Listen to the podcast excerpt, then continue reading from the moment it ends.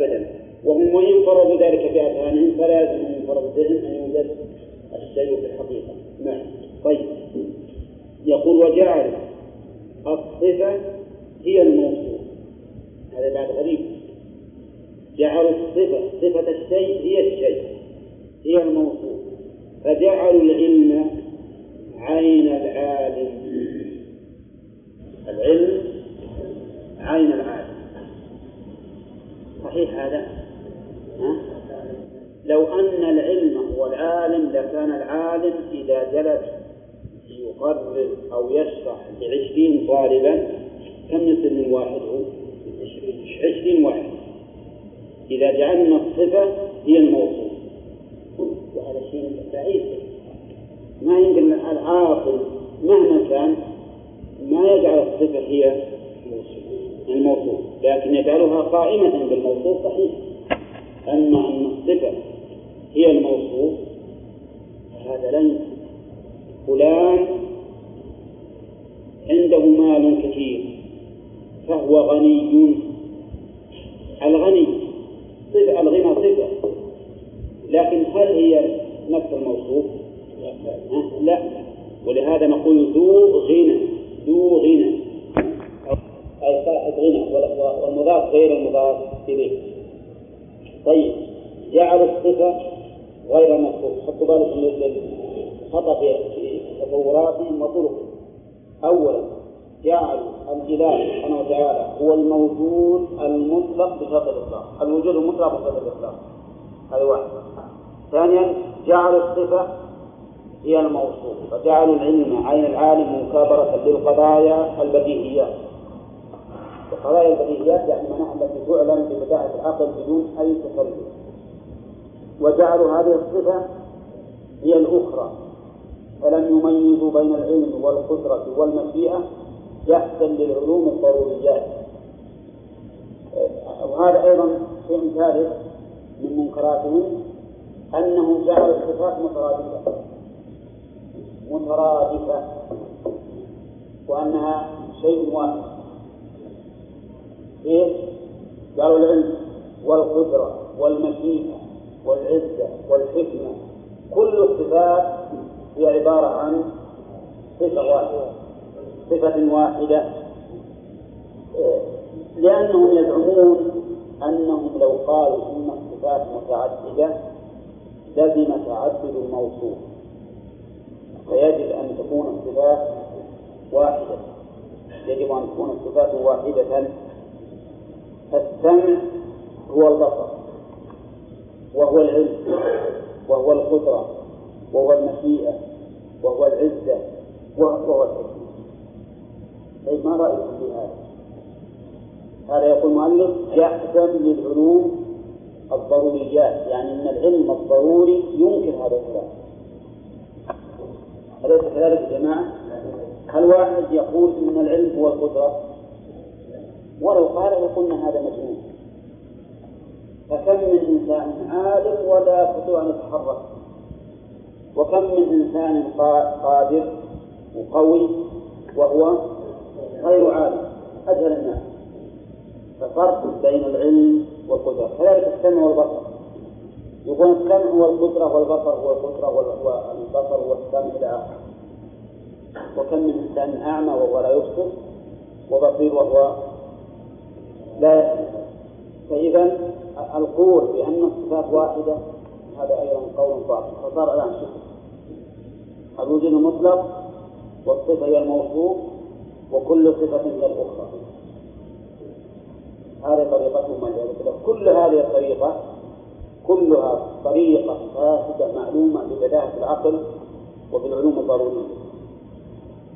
انتهينا من الطائفة الثانية. وهي أقل من الطائفة الأولى وجه أنها أقل أنها لا تسلب عن الله النقيضين. لا تسلب النقيضين. وأولئك يسلبون عن النقيضين. فأولئك قولهم ممتنع هؤلاء أيضا لا يسلبون النقيضين لكن أيضا قولهم ممتنع قولهم ممتنع إذ وجود موجود بدون شرط. أمر مستحيل. كون الصفة عين الموصوف؟ ممتنع كون كل صفة من الأخرى؟ أيضا غير معقول. وممتنع وقاربهم طائفة ثالثة من أهل الكلام من المعتزلة ومن اتبعهم. فأثبتوا لله الأسماء دون ما تضمنته من الصفات. مثلا أنا أحط الثاني في الآخر وأنت هذه طائفة أهوى من الثالثة لكنها قريبة منها أهوى من السابقتين. طائفة من منين يقول من أهل الكلام من المعتزلة ومن اتبعهم. أهل الكلام هم الذين يتكلمون في عقائد في الطرق النظرية دون الطرق النقدية. يعني الذين الذين يحاولون أن يثبتوا العقيدة بطريق النظر لا بطريق الأثر. هؤلاء هم أهل الكلام. يعني بنوا عقيدتهم مو على الكتاب والسنة ولكن على الأمور النظريات التي يزعمونها عقلا وليست بعقل. هذا أهل الكلام. وقول من المعتزلة من هم المعتزلة؟ أصحاب واصل بن عطاء الذي اعتزل الحسن البصري رحمه الله. في لما ذكر حكم الإسلام أو قول أهل السنة والجماعة في المؤمن والكافر وأن فاعل الكبيرة مؤمن ناقص الإيمان. واصل بن عطاء قال إن فاعل الكبيرة في منزلة بين منزلتين وحصل بينه وبين الحسن مشادة ثم قام فاعتذر الحسن مع أنه كان بالأول في مجلس فلهذا سموا معتزلة أثبتوا لله الأسماء دون ما تضمنته من الصفات الله تعالى سمى نفسه بالعليم والحكيم والعزيز والرحيم والرحمن والخبير واللطيف إلى آخره ولا لا؟ هؤلاء أقروا بالأسماء. وطبعا هم إذا أقروا بالأسماء فقد أقروا بالمسمى. يقولون الله موجود وأنه مستمن بهذه الأسماء. لكن الخطأ منهم فمنهم من جعل العليم والقدير والسميع والبصير كالأعلام المحضة المترادفات. يعني جعلوا هذه الأسماء أسماء جامدة مترادفة. ما تدل إلا على العين فقط. ما تدل على المعنى. أرجو جماعة يقولون مثلا الاسم القديم والسميع والبصير. ما يدل على أن الله, له سمع أو بصر أو ما أشبه ذلك؟ أو أو ما تدل أصلا على معنى متغير. هي أعلام مترادفة. أعلام مترادفة فقط. ما تدل على معنى متغير تسمي الأسد أسدا. وتسميه؟ ها؟ لا ما الأسد وش اسمه؟ وتسميه الليل.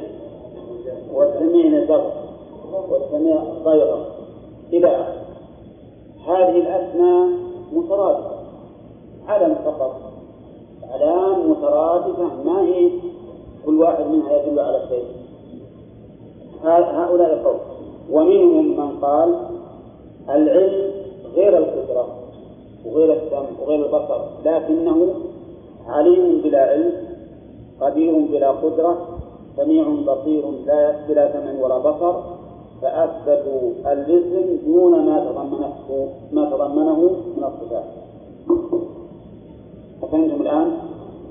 هؤلاء المعتزلة أثبتوا الأسماء لكن انحرفوا بها كيف انحرفوا؟ منهم من جعلها أعلاما مجردة بس مجرد علم على الله ومنهم من قال لا هي أعلام إنما هي أسماء لها اشتقاق هي مجردة.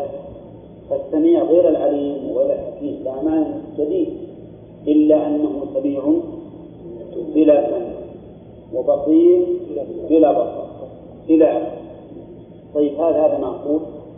اسم مشتق يفصل بينه وبين المعنى المشتق منه. يمكن هذا ولا لا؟ ها؟ يعني ممكن تقول لهذا الشيء إنه سميع ومال السمع ها؟ يمكن تقول هذا قدير وهو مال القدرة. ما يمكن. ومع ذلك عرفنا الآن أن هذول مخالفين للمعقول لكن ما شبهتهم يا جماعة؟ ما شبهتهم؟ شبهتهم باطلة. يقولون لأننا إذا أثبتنا تعدد المعاني بتعدد الأسماء. لازم من ذلك تعدد القدماء. والقدماء عندنا الآلهة. يعني يلزم أن تتعدد الآلهة. إذا أثبت لله اسم وكل اسم له معنى وكل معنى فالله متصف به لازم مش لازم العراقي أن تتعدد الآلهة. يصير قدير كأنه رب واحد سميع كأنه ثاني. بصير كأنه ثالث وهكذا فيقال لهم أنتم حقيقة بكلامكم هذا نرد عليكم بكل بساطة. كابرتم المعقول لأن تعدد الصفة لا يلزم منه تعدد الموصوف.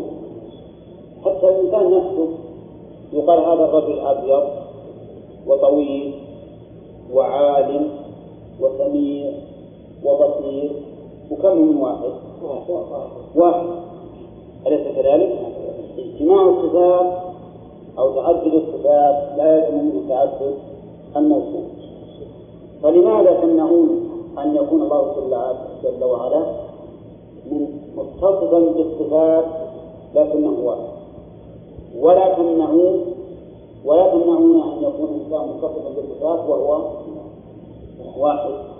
والعقل لا ينكر هذا ولا هذا. فنقول لهم أنتم قلتم قولا لا دليل عليه. لأن مجرد كون السميع والبصير والخبير مجرد أعلام محضة. أين الأسماء الحسنى من أعلام المحضة؟ العالم العالم المحض هل هو اسم حسن؟ علم محض ليدل على المسمى فقط. ما يكون حسنا حتى يتضمن صفة ومعنى كاملا. يكون به حسنا الثاني أيضا اللي قال منكم إنه عليم بلا علم. كيف يمكن هذا؟ أن يشتق اسم من معنى ثم يسلب عنه هذا المعنى. هذا ممكن ولا غير ممكن؟ يعني ممكن أن يشتق اسم من معنى لا يوجد فيه هذا المعنى. لا لا يمكن أن تقول للأصم إنه سميع. ولا يمكن أن تقول للأعمى إنه بصير ولا للعاجز إنه قادر بل لا يمكن أن تقول قادر إلا لمن اتصف بالقدرة وعالم لمن اتصف آخره وبهذا يتبين ضلال هؤلاء الذين يزعمون أنهم ذو أنهم ذو عقل لأنهم خابروا المعقول. نعم. وخالفوا المنقول. وخرجوا عن هدي الرسول صلى الله عليه وسلم. قال المؤلف والكلام على فساد مقالة هؤلاء وبيان تناقضها بصريح المعقول المطابق لصحيح المنقول هذه الأعشار للخليل صحيح المنقول يعني النقل الثابت عن الرسول عليه الصلاة والسلام أو في كتاب الله. وثانيا أن صريح المعقول العقل الصريح الخالص من الشبهات والشهوات. لأن انحراف العقول يا جماعة انحراف العقول إما من شبهات تعرض للإنسان. يكون عندك شبهة وإما من شهوة بمعنى إرادة سيئة يريد مخالفة الحق. لو تأملت جميع المنحرفين عن الشرع لوجدت هذا انحراف شبهة تعرف لهم إما نقص في العلم أو نقص في التصور وإما شهوة بمعنى إرادة سيئة. واضح؟ هذا في الحقيقة هو الأسباب التي يضل بها من ظن من الناس. قال وهؤلاء جميعهم يقرون يفرون من شيء فيقعون في نظيره بل وفي شر منه. مع ما يلزمه من التحريف والتعطيل. طيب. المؤلف رحمه الله قال كلاما عاما قال إنهم يفرون من شيء فيقعون في نظيره بل في شر منه. أيضا مع محذور آخر مع ما يلزمه من التحريف والتعطيل. نضرب مثلا يا جماعة الاستثناء الذين قالوا إن الله إننا نكذب عن الله من غيره ونقول لا موجود ولا معدوم وش فروا منه؟ فروا من التشبيه؟ قالوا إن قلنا موجود شبهنا بالموجودات. معدوم شبهنا بالمعدومات. نقول أنتم الآن وقعتم في في مثل ما فررتم منه بل أشد بل شر منه. أنتم لو أنكم قلتم إنه موجود لكنتم شبهتموه بأمر ممكن لأن الموجودات ممكنة قد تكون واجبة. لكن الآن شبهتموه بشيء ممكن غير ممكن. كذلك اللي قالوا نؤمن بوجوده ونقول إنه موجود لكن بشرط الإطلاق ولا نثبت له صفة ثبوتية. يقول لهم أيضا أنتم وقعتم في شر مما فررتم منه. فروا من, أنهم إذا أثبتوا الصفة شبهوه بالموجودات نقول لهم أيضا أنتم إذا نفيتم الصفة وقلتم إنه موجود مطلق بشرط الإطلاق أو جعلتم الصفة هي عين الموصوف وأنها ليست شيئا زائدا على الموصوف أو جعلتم الصفات أيضا مترادفة وقعتم في شر مما فرطتم منه. لأن وجود مطلق لأن الوجود المطلق لا لا وجود له. شيء يكون موجود وجودا مطلقا عاريا عن الصفات لا وجود له. إذ كل موجود لا بد له من شبه ومعلوم أيضا أن الصفة غير الموصوف. الصفة غير الموصوف. ولا أحد من الناس العقلاء يقول أن الصفة هي عين الموصوف. أبدا. وكذلك نعلم بالضرورة أن الصفة والصفة الأخرى بينهما تباين ما إن ترتب فالعلم غير القدرة والقدرة غير السمع إلى آخره. فأنتم الآن؟ فررتم من شيء ووقعتم في شيء منه. بالإضافة بالإضافة إلى أنهم حرفوا النصوص ولا ما حرفوها؟ حرفوا النصوص الله يثبت لنفسه هالشيء وهم ينفونه عن الله واضح؟ فإذا نقول كل هؤلاء الثلاث الطوائف الثلاث نخاطبهم جميعا فنقول ما فررتم منه وقعتم في شر منه ما هو فيه بس وقعتم في شر منه ولهذا كلمة المؤلف بقوله بل في شر منه بل هذه للإبطال أي نعم إذا معناها ما فيها إطراف وقعوا في مثله وفي شر منه. كذلك أيضا يقول أنتم كلكم وقعتم في شر مما فررتم منه وزدتم على ذلك أيضا تحريف النصوص والتعطيل. التحريف والتعطيل. أهل السنة والجماعة ولله الحمد ما وقعوا في هذه الشرور فلا عطلوا ولا حرفوا ولا وقعوا في شر مما فروا منه بل ما فروا وقالوا ما أستطاعوا نفسي حسبناه قال المؤلف ولو أمعنوا النظر ولو أم ولو أمعنوا النظر لسووا بين المتماثلات وفرقوا بين المختلفات كما كما تقتضيه المعقولات صحيح ولا لا؟ يعني لو أن الإنسان أمعن النظر في كل شيء يا جماعة مو بس في الله وصفاته لو أمعن النظر ونظر بدقة لوجد أن المتماثلات متساوية. لسووا بين المتماثلات رحمك الله. ووجدوا أيضا أن المختلفات متفرقة ولا لا؟ مثال ذلك بالنسبة للصفات. معلوم أن الخالق غير المخلوق. هكذا معلوم أن الخالق غير مخلوق فإذا أثبت الخالق لنفسه صفة من الصفات يجب أن تكون هذه الصفة غير الصفة التي تكون في المخلوق ولا لا؟ فأنت الآن إذا إذا أثبت لله صفة من على صفة المخلوق هل في ذلك من المخلوق؟ ما في مخلوق كما أنك إذا أثبت لله تعالى ذاتا ليست كذوات المخلوق فأنت على حق وكذلك أيضا في الصفات.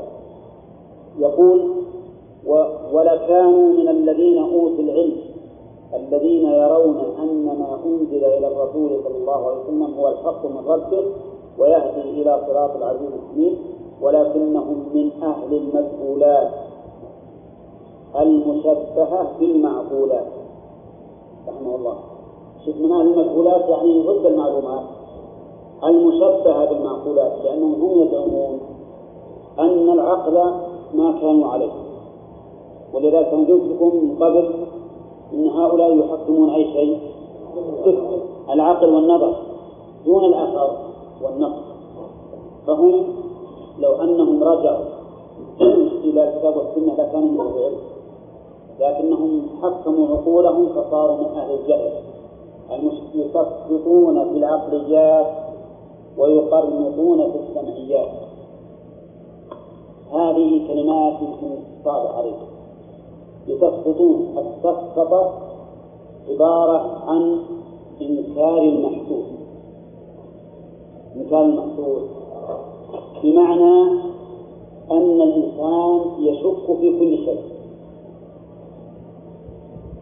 تقول مثلا هذا كتاب من ورق فيقول لا أدري ولعله من ورق قوله هذا نقول سقط تقول ما هذه هي الشمس يمكن هذا القمر. يمكن الليل ليلة البدر. وهذا القمر. أحيانا يقولون عن بعضهم إنه ينكر نفسه. فينام فإذا أصبح لعلي فلان. نعم. حتى إنه ما ينام بعضهم إلا وقد ربط نفسه بخير. على كان علامة إنه هو الذي نام أولا يخشى أن يكون فلان الثاني. نعم. وبعضهم يسلم على بعض ويقول لعلي سلمت على نفسي وأنا ما فيها إني أنا هو ذاك الحاصل هذه تسقط في العقليات. أما القرمطة في السمعيات فإننا كما سبق لنا أن قلنا أن القرامطة الذين يتبعون حمدان قرمط هؤلاء أنكروا النصوص وقالوا إن النصوص إيش؟ ظواهر وبواطن. وأن ظواهر النصوص هذه العامة وأن بواطن النصوص الخاصة. أي نعم. الله طيب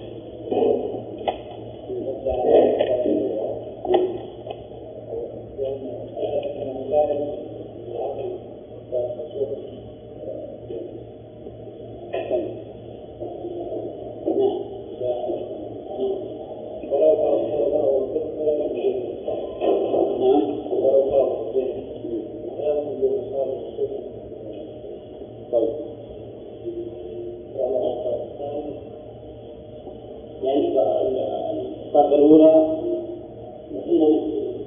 لا قصد الطاقة الثانية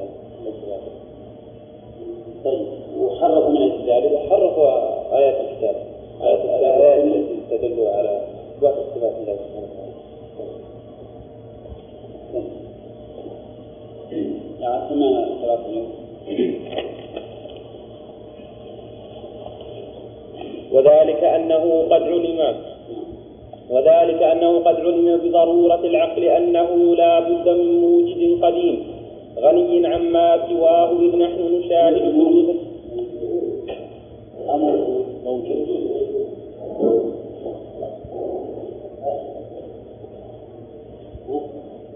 طيب نعم موجود موجود نعم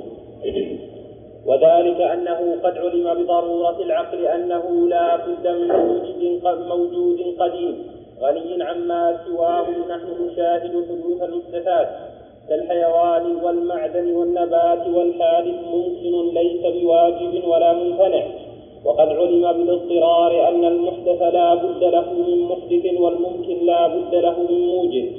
كما قال تعالى أم خلقوا من غير شيء أم هم الخالقون. فإذا لم يكونوا خلق خلقوا من غير خالق ولا هم الخالقون لأنفسهم فعين أن لهم خالقا خلقهم. وإذا كان من المعلوم بالضرورة أن في الوجود ما هو قديم واجب بنفسه وما هو محدث ممكن يقبل الوجود والعدم فمعلوم أن هذا موجود وهذا موجود. ولا يلزم من اتفاقهما في مسمى الوجود أن يكون وجود هذا مثل وجود هذا. بل ولا مثله مثل وجود مثل وجود مثل وجود هذا. بل وجود هذا يخصه ووجود هذا يخصه. واتفاقهما في اسم عام لا يقتضي تماثلهما في مسمى ذلك الاسم عند الإضافة والتخصيص والتقييد ولا في غيره. فلا يقول عاقل إذا قيل إن العصر شيء موجود وإن البعوض شيء موجود. إن هذا مثل هذا لا تفاقهما لاتفاقهما في مسمى الشيء والوجود لأنه ليس في الخارج شيء موجود غير يشتركان فيه بل الذهن يأخذ معنى مشتركا كليا وهو مسمى الاسم المطلق. وإذا قيل هذا موجود وهذا موجود فوجود كل منهما يخصه لا يشركه فيه غيره مع أن الاسم حقيقة في كل منهما. ولهذا سمى الله نفسه بأسماء وسمى صفاته بأسماء. وكانت تلك الأسماء مختصة به إذا أضيفت إليه لا يشركه فيها غيره. أو إذا إذا. نعم. وسمى بعض مخلوقاته بأسماء مختصة بهم مختصة بهم مضافة إليهم توافق تلك الأسماء إذا قطعت عن الإضافة والتخصيص. ولم يلزم من اتفاق الاسمين وتماثل مسماهما واتحاده عند الإطلاق والتجريد عن الإضافة والتخصيص. اتفاقهما.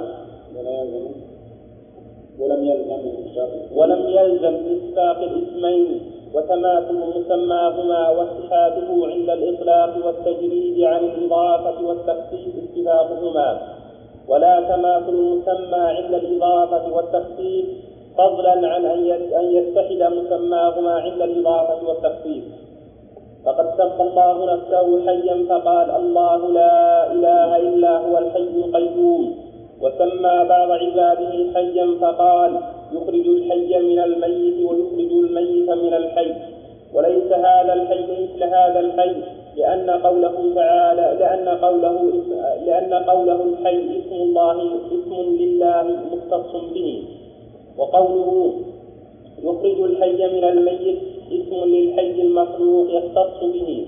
وإنما يتفق مختص به.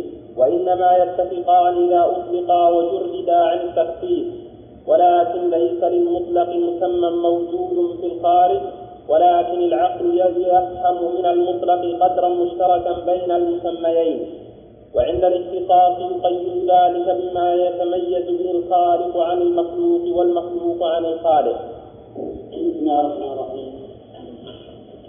مما يرد به على هؤلاء النقاد كل الطوائف الثلاث يرد عليهم بما ذكره المؤلف رحمه الله. وذلك انه قد علم بضرورة العقل أنه لا بد من موجود قديم غني عما سواه. موجود غني قديم غني عما سواه وكلمة قديم كما ذكرنا فيما سبق الأخ حدثنا عنه على ضوء ما سمعت لا بد من موجود قديم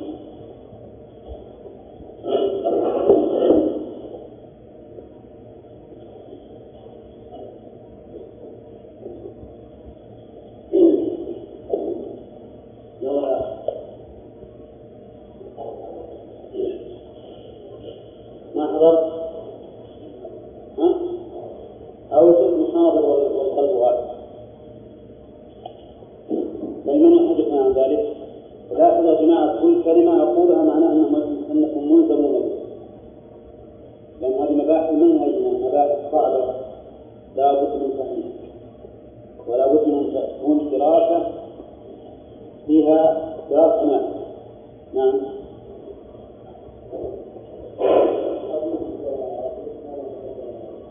نعم قدم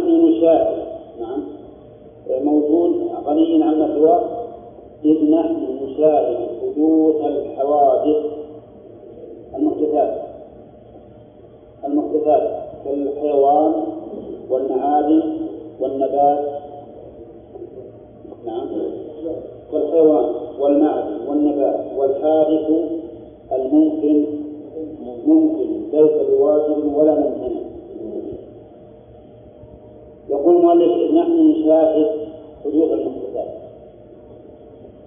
وهذا صحيح ولا لا؟ سواء حيوان أو نبات أو معادن أو أشجار أو غيره. نشاهد حدوث هذه المحدثات بل نشاهد أيضا تغير هذه المحدثات فضلا عن وجودها. نحن نشاهد مثلا الشمس تقرب منا أحيانا وتبعد وكذلك القمر والنجوم وغيرها هذه الأشياء وجودها بعد أن كانت معلومة يدل على أنها ليست واجبة الوجود. وجودها بعد العدم يدل على أنها ليست واجبة الوجود. سهولة أمد من الفضل. ليست. أي نعم. من الفصل ولا لا؟ وجودها بعد أن كانت معلومة يدل على أنها ليست واجبة الوجود. لأنها لو كانت واجبة الوجود ما كانت معلومة من قبل. أليس كذلك؟ يا جماعة. واجب الوجود لا يمكن أن يكون معلوما لأن الواجب عند عند الفلاسفة أو المسلمين هو ما لا يمكن عدمه. حدوث هذه الحوادث يدل على أنها ليست واجبة الوجود. لماذا؟ لأن واجب الوجود لا يمكن أن يكون معلوما. ولا لا؟ وحدوثها أيضا يدل على أنها ليست من المستحيل. ليست من المستحيل. لأنها لو كانت مستحيلة ما وجدت. واضح هنا؟ الانتباه هذه الحوادث المخلوقات من إنسان وحيوان ونبات وغيرها أو غيرها وليست واجبة الوجود ولا ممتنعة الوجود. لو كانت واجبة الوجود ما كانت معلومة من قبل. ولو كانت ممتنعة الوجود ما وجدت إذا فهي من الممكن الجائز الوقوع. من الممكن الجائز الوقوع. المؤلف يقول ليست بواجب ولا ممكن. ولا لا؟ طيب. وقد علم الانصراف أن المحدث لا بد له من من محدث والممكن لا بد له من موجد هذا علم بالاضطرار يعني علما ضروريا أن الحادث لا بد له من محدث كما قال الأعرابي الأثر يدل على المسير والبارق يدل على البعيد كل حادث لا بد له من محدث عندما أقول مثلا هذا البناء حادث كان المكان نحن فيه الأول كان فراغا ثم كان بناء. هذا البناء حادث نحن نعلم بالضرورة أنه لا بد له من من محدث من إنسان بناه أو من بان البنات سواء كان إنسان أو آلات أو غيره. إذا كل حادث لا بد له من ممكن كل ممكن ويعنى بالممكن ما ليس بواجب ولا مستحيل. هذا الممكن. ما ليس بواجب ولا مستحيل. لا بد له من موجب كما قال الله تعالى أم خلقوا من غير شيء أم هم الخالقون. بل أم هنا منقطعة بمعنى بل وهمزة الاستفهام الإنكاري. يعني بل أخلقوا من غير شيء أم هم الخالقون؟ وش الجواب؟ ليسوا هم الخالقين ولا الإنسان ما خلق نفسه. لأنه قبل أن يوجد معدوم والمعدوم لا يخلق. أليس كذلك؟ وليس مخلوقا بدون خالق. وليس مخلوقا بدون خالق. من خلق أبوه صنعه برحم أمه أمه صنعته برحمها. الطبيب صنعه برحم أمه لا. إذا لا بد له من خالق خلقه والبشر أو المخلوق كله نعلم أنه لمخلوق فيكون الذي خلقه من؟ هو الله سبحانه وتعالى. يكون الذي خلقه هو الله. قال جبير بن مطعم رضي الله عنه وكان أسيرا من أسرى بدر في المدينة. سمعت النبي صلى الله عليه وسلم يقرأ في المغرب بالطور فلما بلغ قوله تعالى أم خلقوا من غير شيء أم هم الخالقون أم خلقوا السماوات والأرض بل لا يوقنون قال كاد قلبي يطير. ووقع ووقر الإيمان في قلبي. الكلمة الأخيرة عندي فيها شك لكن الأول يقول كاد قلبي يطير. يعني لأن هذه الدلالة أصلية فطرية. ما يمكن إنكارها أم خلقوا من غير شيء أم هم الخالقون إذا الجواب على هذا ما هو؟ لم يخلقوا من غير خالق وليسوا هم الخالقين. تعين إذا أن يكون لهم خالق غير أنفسهم؟ أليس كذلك؟ لنبحث ونفتش ما نجد أحدا خلقهم من البشر. بل وأن الخلق كله. إذا يكون الخالق هو الله. ولهذا قال الله تبارك وتعالى أم خلقوا من غير شيء أم هم الخالقون؟ فإذا لم يكونوا خلقوا من غير خالق ولا هم الخالقون لأنفسهم تعين. تعين أن أن لهم خالقا خلقهم. أليس كذلك؟ نعم. هذا الخالق هو الله. وغيره لا يستطيع ذلك. هذا أراد المؤلف إثبات وجود الله عز وجل شبه بدلالة الحوادث بدلالة الحوادث عليه. أثبت المؤلف وجود الله بدلالة أي شيء؟ بدلالة الحوادث عليه لأن هذه الحوادث التي تحدث لا بد لها من محدث هذا المحدث هو الله. وإذا كان بالمع... وإذا كان من المعلوم بالضرورة أن في الوجود ما هو قديم واجب بنفسه وما هو محدث ممكن يقبل الوجود والعدم فمعلوم أن هذا موجود وهذا موجود. آه بعد مرحلة السبق هذه نقول علمنا الآن علمنا الآن بعد هذا التقرير السابق أن في الوجود أن في الوجود ما هو موجود واجب. واجب واجب الوجود وما هو ممكن؟ الوجود قوله يعني. الآن علمنا بعد أن قررنا ما سبق بأن المحدث لا بد له من محدث وأن الجائز لا بد له من واجب. علمنا الآن علمنا أن في الوجود ما هو واجب الوجود وما هو جائز الوجود واضح؟ واجب الوجود ما هو؟ الله. وجائز الوجود المخلوق طيب.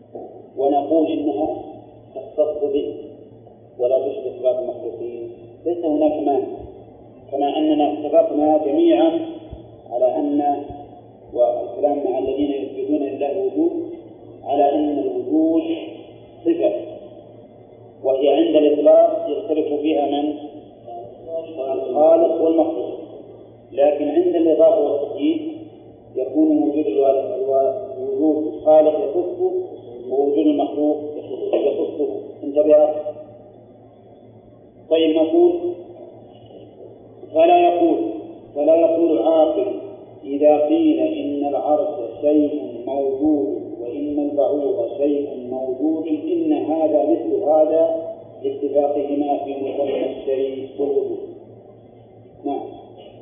يعني ما أحد عاقل يقول العرش موجود. وجود العرش من باب الوجود الواجب أو من باب الوجود الممكن. ها؟ وجود العرش من باب الوجود الواجب أو الممكن. كل مخلوق كل مخلوق ووجوده من باب الوجود الممكن أظن هذا يا جماعة. لأن وش معنى مخلوق؟ أنه وجد بعد أن لم يكن. وجد بعد أن لم لو كان واجب الوجود ما كان معدوما من قبل. إذا فالعرش جائز الوجود والبعوض جائز الوجود ولا لا؟ وكل منهما شيء موجود. شيء موجود. فإذا كان هذان الموجودان متفقين في الوجود وأن وجودهما من باب الجائز وليس من باب الواجب ومع ذلك هل يلزم من اتفاقهما في الوجود أن يكونا متفقين في الحقيقة؟ والذات وكل شيء؟ لا. أبدا. ما يمكن لعاقل أن يقول أن البعوضة مثل العرش وسع كرسيه السماوات والأرض. والعرش أكبر بكثير من الكرسي لأن فضل العرش على الكرسي كفضل الفلاح على الحرب فهل يمكن أن يقول قائل أن هذه البعوض التي من أحقر المخلوقات تكون مثل العرش الذي هو أعظم الموجودات؟ لا لا فإذا كانت المخلوقات وهي ممكنة وليست واجبة الوجود تتفق في اسم الوجود الممكن أيضا ولا يلزم من اتفاقهما في هذا أن يتفقا بغيره دل هذا على أنه لا يمكن أن أن يكون اتفاق الوجود في الله سبحانه وتعالى وفي غيره لا يلزم أن يكون وجودان شيئا واحدا. يقول مالك رحمه الله إن هذا مثل هذا لاتفاقهما في مسمى الشيء والوجود. يعني يعني لا يمكن أن يكون مثله من أجل أنهما متفقان في مسمى الشيء والوجود لأنه ليس في الخارج شيء موجود غيره الثالثين وش غيرهما؟ الضمير يعود على الشيء والموجود. يعني أن الأرض والبعوضة ليس في الخارج شيء يشتركان فيه سوى كلمة شيء وموجود. البعوضة شيء والعرش شيء. والبعوضة موجودة والعرش موجود. وما اتفق في هذه لكن في الخارج لا يتفقان فيما عدا ذلك. فيما عدا كلمة شيء موجود ليس بين العرش وبين البعوض اشتراك بل بينهما من ما لا يمكن إدراكه أيضا. لأن العرش ما يمكن إدراكه طيب. وإذا كان نعم. إذ, إذ, ليس, إذ ليس في الخارج شيء موجود. كلمة في الخارج يعني في أمريكا ولا؟ إيش معنى الخارج؟ نعم الوجود الوجود العياني الذي يشاف ويسمع مثلا لأن هناك شيء ذهني وشيء خارجي. فالشيء الذهني ما يفوقه الذهن والشيء الخارجي ما هو موجود فعلا. فيقول المؤلف ليس الخارج شيء موجود غيرهما أي غير الشيء الموجود يشتركان فيه. بل الذهن يأخذ معنى مشتركا كليا هو مسمى الاسم المطلق.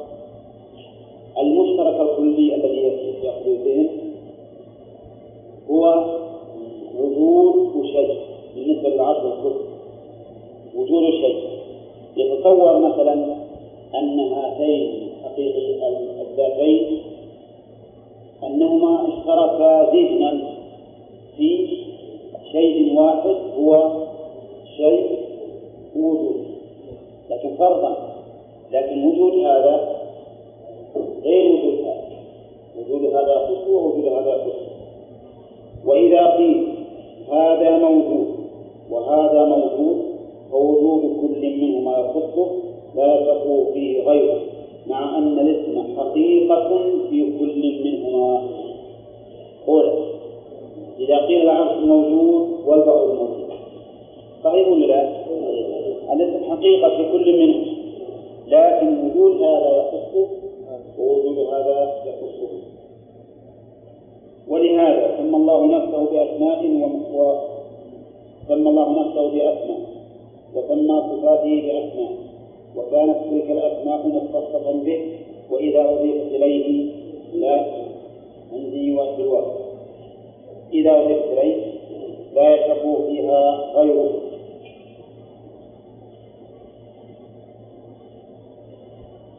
وسمى بعض مخلوقاته بأسماء مختصة بهم مضافة إليهم توافق تلك الأسماء إذا قطعت عن الإضافة والتحرير ولم يلزم من اتفاق الاسمين وتماثل مسماهما واتحاد واتحاده عند الإطلاق والتجريد فضلا عن والتخصيص لا يلزم فضلا عن الإضافة والتخصيص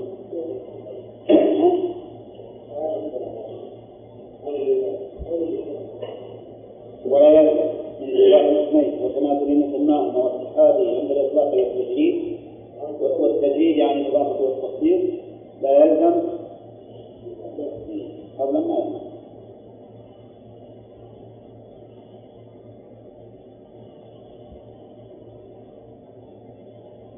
لا يلزم اتفاقهما ولا تماثل المسمى عند الإضافة والتخصيص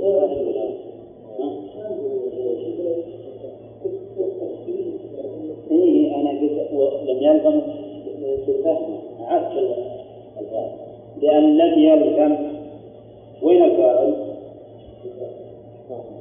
لم يلزم اتفاقه. ولم يلزم من اتفاق الاثنين وتماثل مسماهما مسماهما واتحادهم بالاطلاق والتجديد والتجديد عن اضافه التخصيص. وش لم يلزم؟ اتفاقهما ولا تماثل المسمى عند الإضافة والتخصيص. فضلا عن أن يتخذ مسماهما عند الإضافة والتخصيص. كان المؤلف رحمه الله يقول إن الله سمى نفسه بأسماء وسمى صفاته بأسماء وسمى بتلك الأسماء نفسها بعض مخلوقاته وهل يلزم من استقرار الاسم أن يتفق المسمى؟ ما يلزم. هذا هو خلاصة المؤلف فإذا كان لا يلزم فإنه لا يلزم من إثبات صفات الله عز وجل أن يكون مشابها للمخلوقات. هذا هو تقرير كلام المؤلف ليلزم به من؟ ها؟ كل من الطوائف الثلاث لأن جميع الطوائف الثلاث أقل من فيهم الذين أثبتوا الأسماء دون ما تضمنته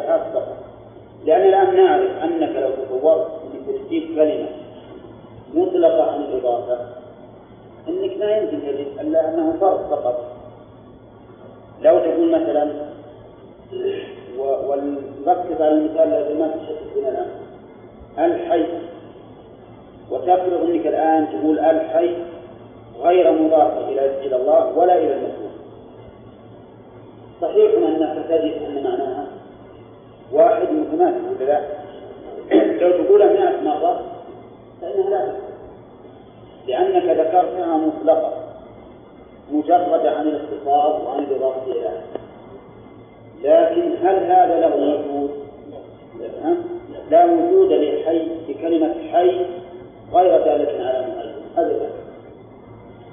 بل إنما إذا قلت حي على طول الخارج لا بد أن يكون موجودا. فإذا فرضت كلمة الحي بدون شخص أو بدون أحد موجود فمعنى ذلك أنما أنما فمعنى ذلك أنك إنما فرضتها للذهن لا للخارج لكن إذا أضيفت الحي إذا أضيفت الحي إلى شيء في الخارج حينئذ تختلف. تكون حياة الخالق غير حياة المخلوق. حياة بعض المخلوقات أيضا أكمل من بعض. أليس كذلك؟ في المخلوقات ما يعمر طويلا ولا يتعرض للآفات ويتحمل كثيرا هذه حياته أكمل من العكس. من الذي لا يعمر إلا قصيرا ويتعرض كثيرا للآفات. أليس كذلك؟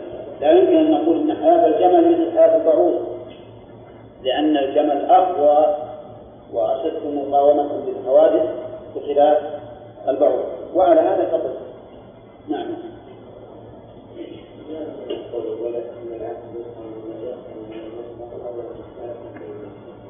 إي نعم. القدر المشترك الحياة.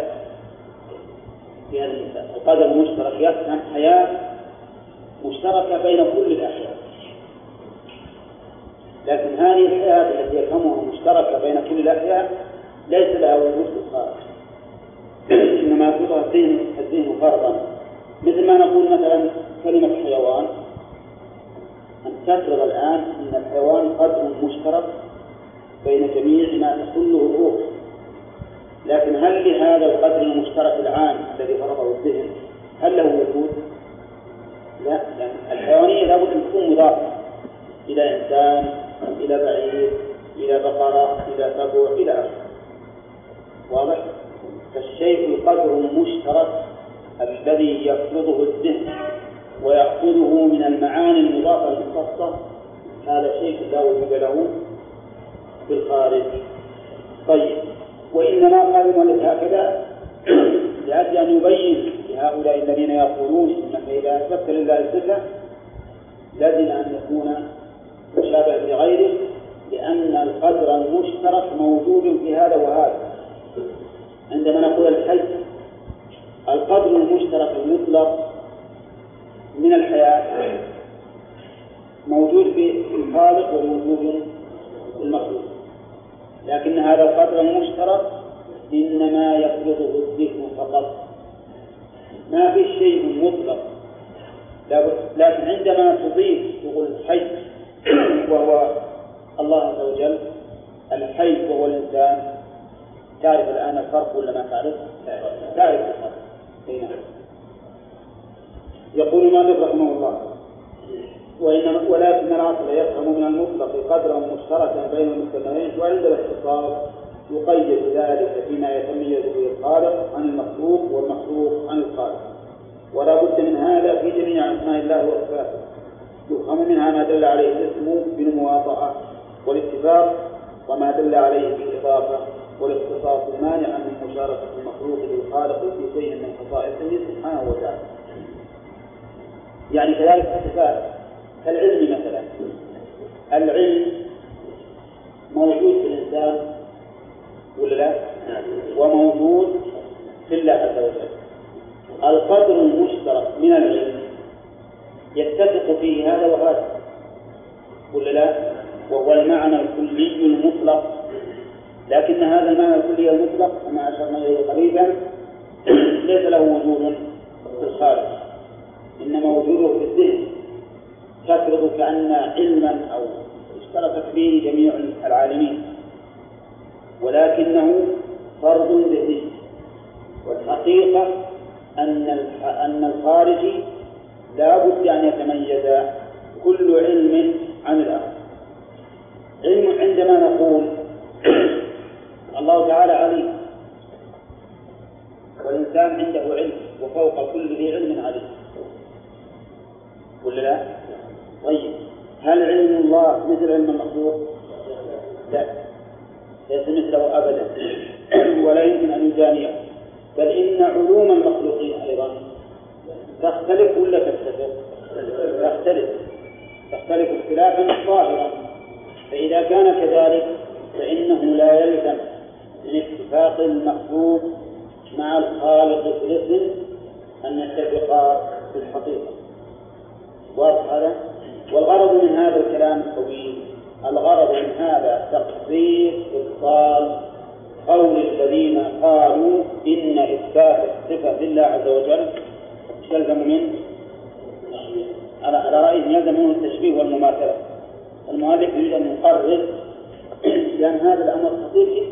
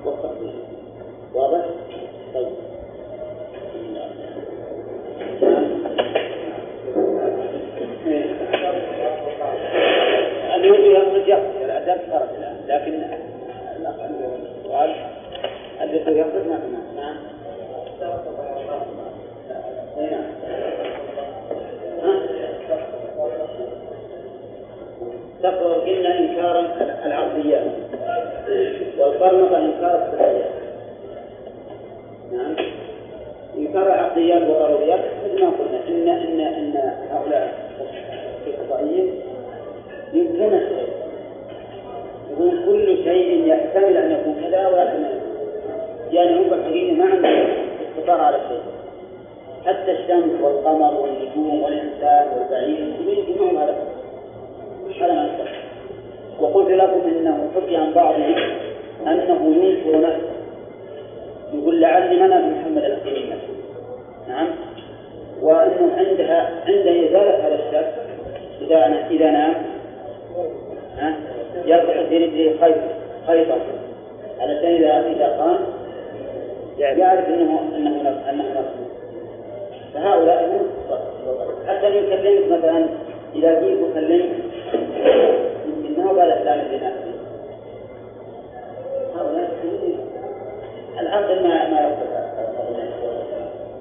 أما القرامطة فهي مثل ما قال المؤلف السمعيات وقلت لكم أن القرامطة كذلك يشككون في السمعيات لأنهم يقولون إن الكتاب والسنة لها ظواهر وظواهر. ظواهر وظواهر. فظواهرها هذا الذي بين أيدينا والأخبار لكن هذا ليس للخاصة إنما هذا للعامة. الناس اللي لها الصبحاء هم اللي يكون على هذا. أما الخاصة فالقرآن والسنة دلائل باطنة وإشارات ورموز هو هي المراد به وهذه لمن؟ للخاصة عندهم حتى انه ولله على الناس حج البيت من استطاع اليه فحج البيت له معنى ظاهر. حج البيت له معنى ظاهر عند العوام. ما هو حج البيت عند العوام؟ قصد المسجد لكن عندهم قصد بيت الولي.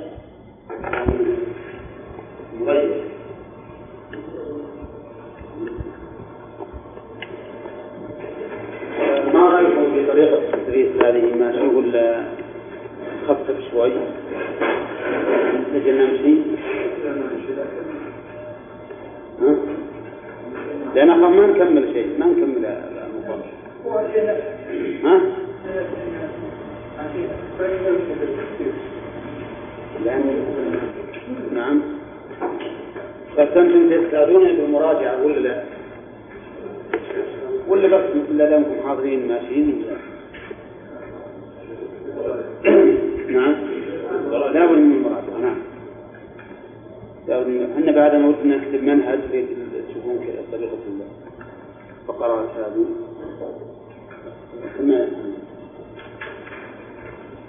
بسم الله الرحمن الرحيم.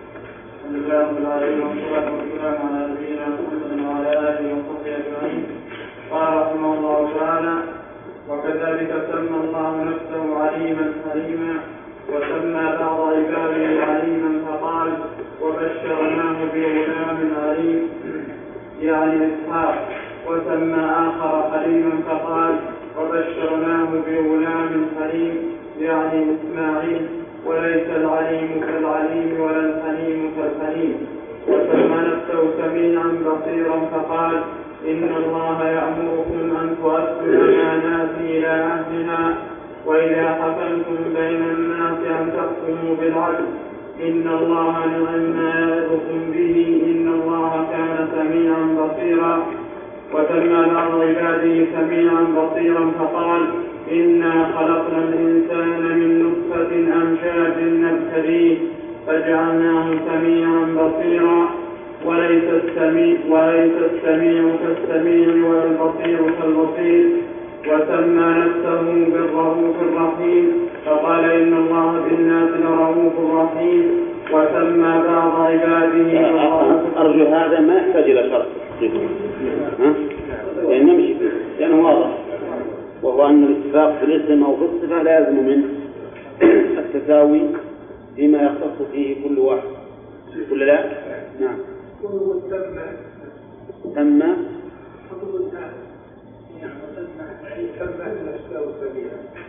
لا ما عندي ألف. بس تم.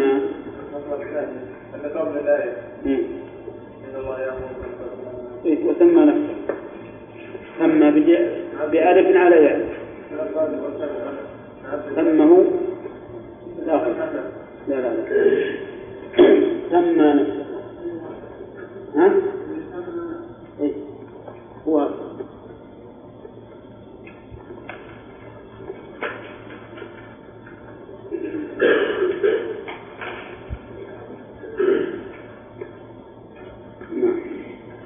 وسمى نفسه بالرؤوف الرحيم فقال إن الله بالناس لرؤوف رحيم وسمى بعض عباده بالرؤوف الرحيم فقال لقد جاء لقد جاءكم رسول من أنفسكم عزيز عليه ما عنتم حريص عليكم بالمؤمنين رؤوف رحيم وليس الرؤوف كالرؤوف ولا الرحيم كالرحيم.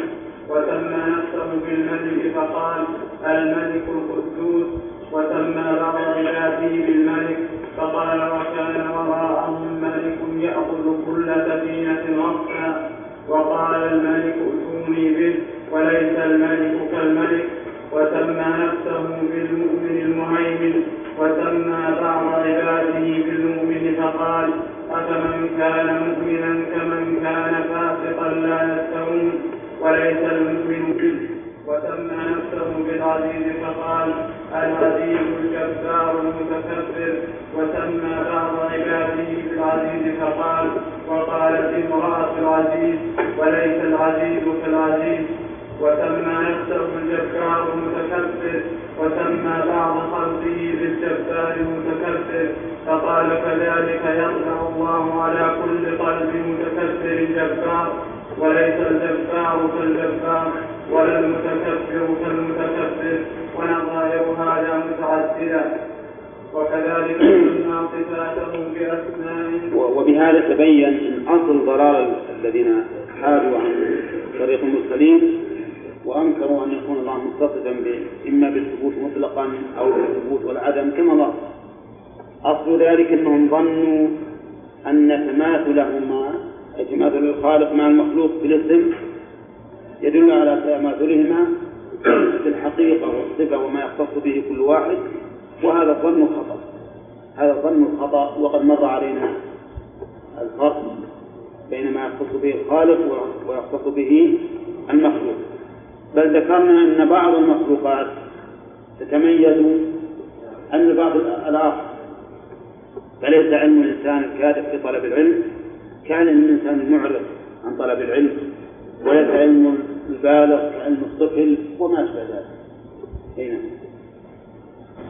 وكذلك سمى صفاته بأسماء وسمى صفات عباده بنظير ذلك فقال ولا يحيطون بشيء من علمه إلا بما شاء أنزله بعلمه وقال إن الله هو الرزاق ذو القوة المتين وقال أولم يروا أن الله الذي خلقهم هو أشد منهم قوة وسمى صفات المخلوق علما وقوة فقال ما وما أوتيتم من العلم إلا قليلا وقال وفوق كل ذي علم عليم وقال فرحوا بما عندهم من العلم وقال الله الذي خلقكم من ضعف ثم جعل من بعد قوة ثم جعل من بعد قوة ضعفا وشيبة وقال ويزدكم قوة إلى قوتكم وقال والسماء بنيناها بأيد أي بقوة وقال واذكر هنا نقف.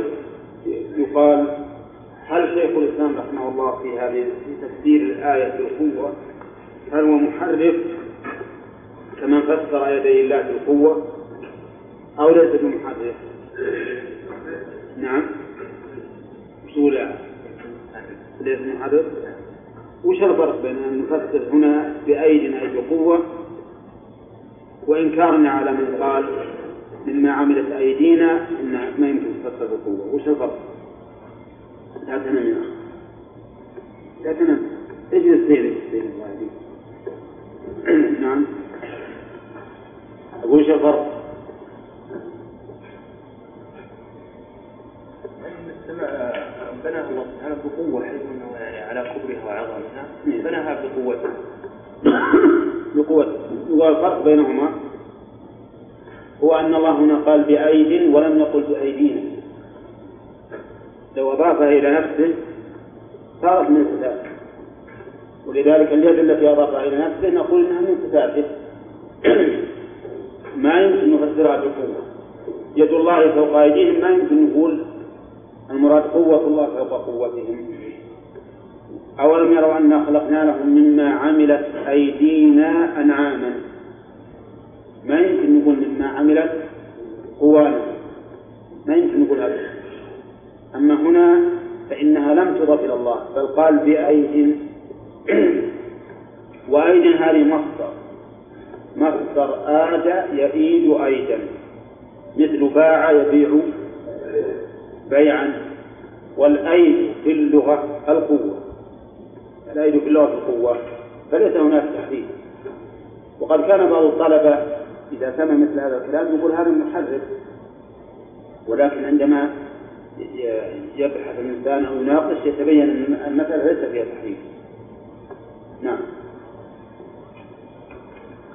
وقال واذكر عبدنا داود ذا الأيدي أي ذا القوة؟ وليس العلم كالعلم ولا القوة كالقوة. ووصف نفسه بالمشيئة ووصف عبده بالمشيئة. فقال لمن شاء منكم أن يستقيم وما تشاءون إلا أن يشاء الله رب العالمين. وقال إنها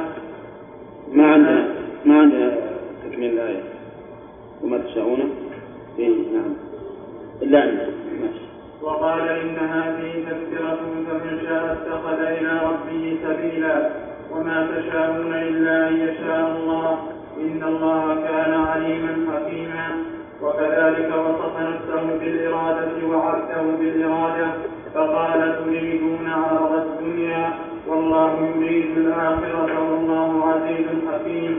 ووصف نفسه بالمحبة ووصف عبده بالمحبة فقال فسوف يأتي الله بقوم يحبهم ويحبونه وقال قل, قل إن كنتم تحبون الله فاتبعوني يحببكم الله. ووصف نفسه بالرضا ووصف عبده بالرضا. فقال رضي الله عنه ورضي عنه ومعلوم أن مشيئة الله ليست ليست مثل مشيئة العبد ولا إرادته مثل إرادته ولا محبته مثل محبته ولا رضاه مثل رضاه. وكذلك وصف نفسه بأنه يمكث الكفار ووصفهم بالمقت. فقال إن الذين كفروا ينادون لمقت الله أكبر من مقتكم أنفسكم إذ تدعون إلى الإيمان فتكفرون وليس المقت مثل المقت فهنا من كلام المؤلف أنه يرى أن قوله لمقت الله من باب إضافة الفاعل أو المصدر إلى فاعله أو مفعوله. لا. إن الذين كفروا ينادون لمقت الله أكبر من مقتكم أنفسكم. هنا يقول المؤلف إن الله وصف نفسه بالمقت ووصف عبده بالمقت فالمؤلف يرى الآن أن قوله لمقت الله إنه من باب إضافة المصدر إلى فاعله. لأنه ما يستقيم أن الله وصف نفسه بالمقت بالمقت إلا إذا قلنا أنه مضاف إلى الفاعل. يعني لمقت الله إياكم لمقت الله إياكم. سيكون من باب إضافة المصدر إلى فاعله. نعم. نعم. أشد البغض. أشد البغض. نعم. وصف نفسه بالمجد والخير كما وصف عبده بذلك فقال ويمكرون ويمكر الله. وقال إنهم يكيدون كيدا وأكيد كيدا وليس المكر كالمكر ولا الكيد كالكيد. وهنا يجب أن نقف ونقول هل المكر صفة نقص وذم أو صفة كمال ومدح؟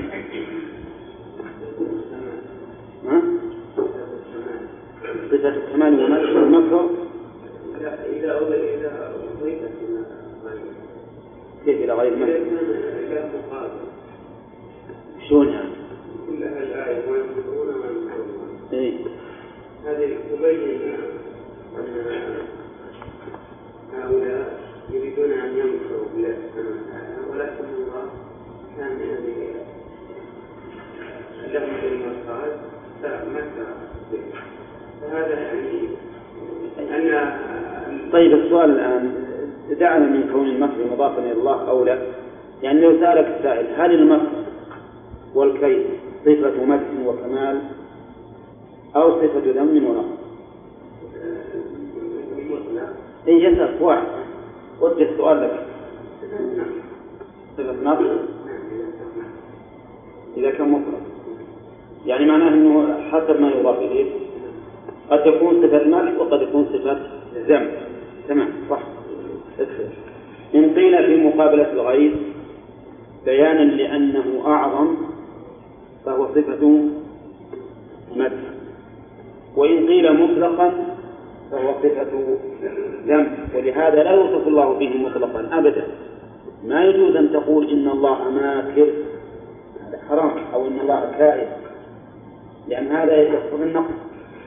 ولكن تقول ماكر بمن؟ بما يمكر نعم أو بأعدائه. بما يمكر به أو بأعدائه. هكذا. لأن كون الله يمكر بهم مع أنهم هم يمكرون يدل على أن الله تعالى أقوى أقوى منهم وأعلم منهم. أولا والإنسان بالحقيقة إذا كان له عدو وأراد عدوه أن يمكر به ثم مكر مكرا أقوى منه وش يعد هذا؟ يعد هذا صفة مكر يعد هذا صفة مكر ولهذا جاء في الأثر الحرب خدعة حرب خدعة يعني معناه إن, إن, إن, إن في حال الحرب ينظر إلى دفع الإنسان وإلى شدة مكر طيب بارك الله إذا لا يوصف الله تعالى بالمكر والكيد على سبيل الإطلاق وإنما يوصف به على سبيل التقييد هنا. طيب ووصف نفسه بالعمل فقال أولم يروا أنا خلقنا لهم مما عملت أيدينا أنعاما فهم لها مالكون؟ ووصف عبده بالعمل فقال جزاء بما كانوا بما كنتم تعملون وليس العمل كالعمل. ووصف نفسه بالمناداة